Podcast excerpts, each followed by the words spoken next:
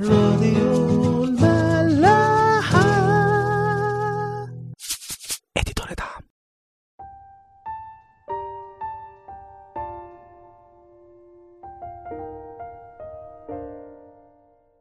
أهلا بيكم في حلقة جديدة من عيش وملح. في حلقة امبارح كنا بنتكلم عن صمويل لما مسح شاول ملك على إسرائيل. صب دهن على راسه وقبله وبعدين قال له إن في ثلاث مواقف هتحصل له في طريق الرجوع.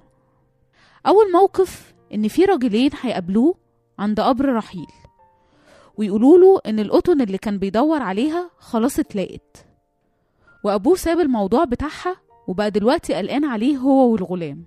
بعد كده هيقابلوا تلات رجالة واحد شايل تلات جداء والتاني تلات أرغفة والأخير شايل زق خمر. هيسلموا عليه ويدوله رغيفين بس من اللي معاهم. وفي الآخر وهو داخل المدينة بتاعت جبعة هيلاقي زمرة أنبياء بيتنبأوا وقدامهم دف ورباب وناي وعود. وقتها هيحل عليه روح ربنا ويبقى إنسان تاني خالص ويتنبأ معاهم. الكتاب بيحكي بعدها في عدد تسعة إن شاول أول ما خلص كلامه مع صمويل واتدور ربنا إداله قلب تاني. يقول وكان عندما أدار كتفه لكي يذهب من عند صمويل إن الله أعطاه قلبا آخر. وبعد كده كل المواقف اللي صمويل بيقول عليها بتحصل.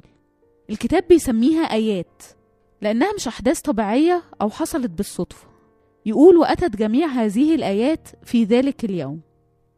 وفعلا في الآخر لما وصلوا مدينة جبعة زمرة الأنبياء قابلت شاول وحل عليه روح ربنا واتنبأ في وسطهم. لدرجة إن كل الشعب اللي كانوا عارفينه من قبل كده استغربوا وقالوا إزاي بقى يتنبأ مع الأنبياء. بيحكي إن كل واحد كان بيقول لصاحبه ماذا صار لابن قيس؟ أشاول أيضا بين الأنبياء؟ لدرجة إن السؤال ده بقى زي المثل عندهم. أشاول أيضا بين الأنبياء؟ علامة على استنكارهم إن شخص زيه يبقى نبي. الظاهر إن هو ما كانش متدين قبل كده. والناس فعلا كلها حست بروح ربنا المختلفة اللي حلت عليه. قبل ما نكمل عايزين نقول إن نبي هنا مش شرط إن معناها إن هو واحد بيتنبأ بالمستقبل. ممكن بس يكون راجل تقي بيصلي وبيسبح ربنا بالروح.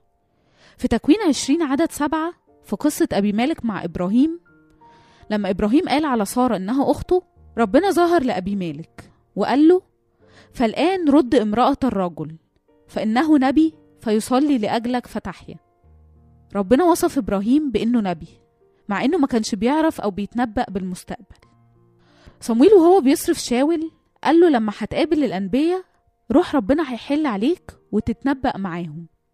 وبعدها على طول الكتاب بيحكي إن شاول أول ما ادى ظهره لصمويل قبل ما حتى يبتدي رحلته ويمشي كان ربنا اداله قلب تاني. الكتاب كان عايز يورينا إنه خلاص. أول ما صمويل مسح شاول ملك وصب الدهن عليه روح ربنا حل عليه وغيره في نفس اللحظة. يعني الروح حل عليه من أول السكة بس يمكن ما بانش ظاهريا للناس إلا وهو بيتنبأ مع الأنبياء. صحيح كلنا ساكن فينا روح ربنا. في ناس مواهب الروح عندها بتبان بطرق واضحة قوي. تلاقي واحد باسم المسيح بيطلع شياطين أو من السواح أو بيشفي مرضى وحاجات تانية ظاهرة كتير. وناس تانية بتشوف المسيح فيها من غير الصور الجامدة دي. تشوف المسيح في كلامها أو وعظها أو صلاتها تلاقي الواحد منهم بيتكلم كمن له سلطان. وناس تانية المسيح بيبان فيها من غير ما تتكلم خالص حتى من خلال تصرفاتها وخدمتها وبذلها لكل اللي حواليها. يمكن شاول ما كانش بيعمل حاجة كبيرة أو مش طبيعية. كان نبي بيصلي ويسبح زيه زي بقية الأنبياء. بس كل الناس حست بربنا اللي كان جوه شاول وحست إزاي إن هو بدله فعلا وغير منه لدرجة إن هو يقول إنه اداله قلب تاني وخلاه شخص تاني مختلف عن زمان. المسيح لما بيدخل حياة الواحد بيبدلها تماما والتغيير ده بيبان عليه على طول لدرجة إن هو نفسه وكل اللي حواليه بيبقوا مستغربين. ويقولوا معقولة فعلا ده الشخص بتاع زمان؟ ربنا حول شاول من مجرد راجل عادي غير متدين لنبي بيصلي ويسبح.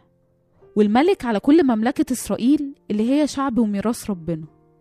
عشان كده اوعى تيأس انت كمان.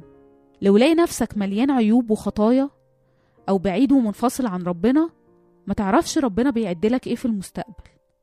وإيه الرسالة اللي بيحضرك ليها؟ شاول بقى نبي وملك وسامرية الخاطية بقت مبشرة وراحت تبشر كل مدينتها إن هي شافت المسيح اللي كل الناس مستنية مجيئه. غير شاول طبعا أكبر مضطهد للمسيحيين. بقى أكبر مبشر بالمسيحية مش بس لليهود بس كمان لكل الأمم وناس تانية كتير. فأوعى تيأس لا من نفسك ولا من حد حواليك. يبان ضايع ومعندوش هدف أو رسالة. ربنا بيغير القلب في لحظة ويحول الإنسان لإنسان تاني خالص زي ما عمل مع شاول بعد ما شاول بيخلص تنبي بيروح للمرتفع وهناك عمه بيسأله هو والغلام أنتوا رحتوا فين؟ فشاول بيرد ويقول له رحنا نفتش وندور على القطن ولما ما لقيناهاش رحنا لصمويل فعمه بعدها بيسأله طب وصمويل قال لكم إيه؟ شاول يقول له إن صمويل قال لهم إن القطن اتلاقت خلاص بس ما بيجيبلوش أي سيرة عن المملكة اللي هتبقى موجودة في إسرائيل وإن صمويل مسحه هو ملك عليها. شاول ما قالش لعمه حتى على اللي هيحصل لأنه كان عارف إن لسه وقت إعلان الخبر ما جاش. زي ما صمويل قال له خلي الغلام يمشي قدامنا ويسبقنا عشان أقولك على كلام ربنا وإحنا لوحدنا. الغلام ما عرفش الموضوع وصمويل بيتكلم فيه مع شاول. وبرضه شاول ما نشرش الخبر. ولا قاله لأي حد قريب أو بعيد. حتى عمه ما قالوش. طبعا ده كان تواضع جدا من شاول.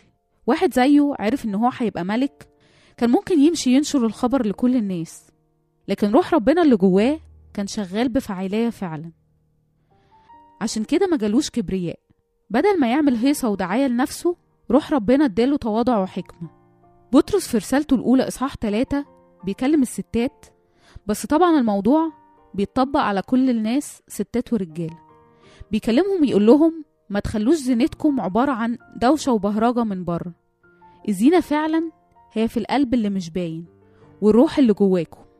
ولا تكن زينتكم الزينة الخارجية من ضفر الشعر والتحلي بالذهب ولبس الثياب. بل إنسان القلب الخفي في العديمة الفساد. زينة الروح الوديع الهادئ الذي هو قدام الله كثير الثمن. ما تحاولش تجمل نفسك من بره. حتى لو عندك عطايا ومواهب كتير ما تمشيش تتفاخر بيها. لأن أكيد الذات والكبرياء دول مش هيبقوا نابعين من روح ربنا اللي ساكن جواك. في الوقت اللي شاول عرف إن هو هيبقى فيه أعظم واحد في المملكة ملك على كل شعب إسرائيل اتواضع بسبب روح ربنا اللي حلت عليه. المسيح قال في متى 11 تعلموا مني لأني وديع ومتواضع القلب فتجدوا راحة لنفوسكم. واللي بيبقى مليان بالروح فعلا بيبقى متواضع ووديع زي المسيح. مهما كان مستواه أو منصبه أو حجمه وعدد المواهب والعطايا اللي عنده بيبقى عارف إن هو ولا حاجة وإنه خاطي ومحتاج الغفران. وقتها المواهب والعطايا عنده مش بتبقى سبب للتفاخر والكبرياء. بالعكس ده بيبقى حاسس إنها مسؤولية وأمانة ربنا اداهاله ولازم يسهر عليها. المسيح في مثل الوكيل الأمين يقول فكل من أعطى كثيرا يطلب منه كثير ومن يودعون كثيرا يطالبون بأكثر.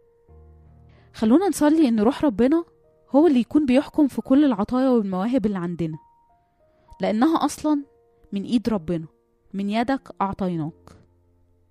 نكمل بكرة. راديو ملاح. Edito Niata.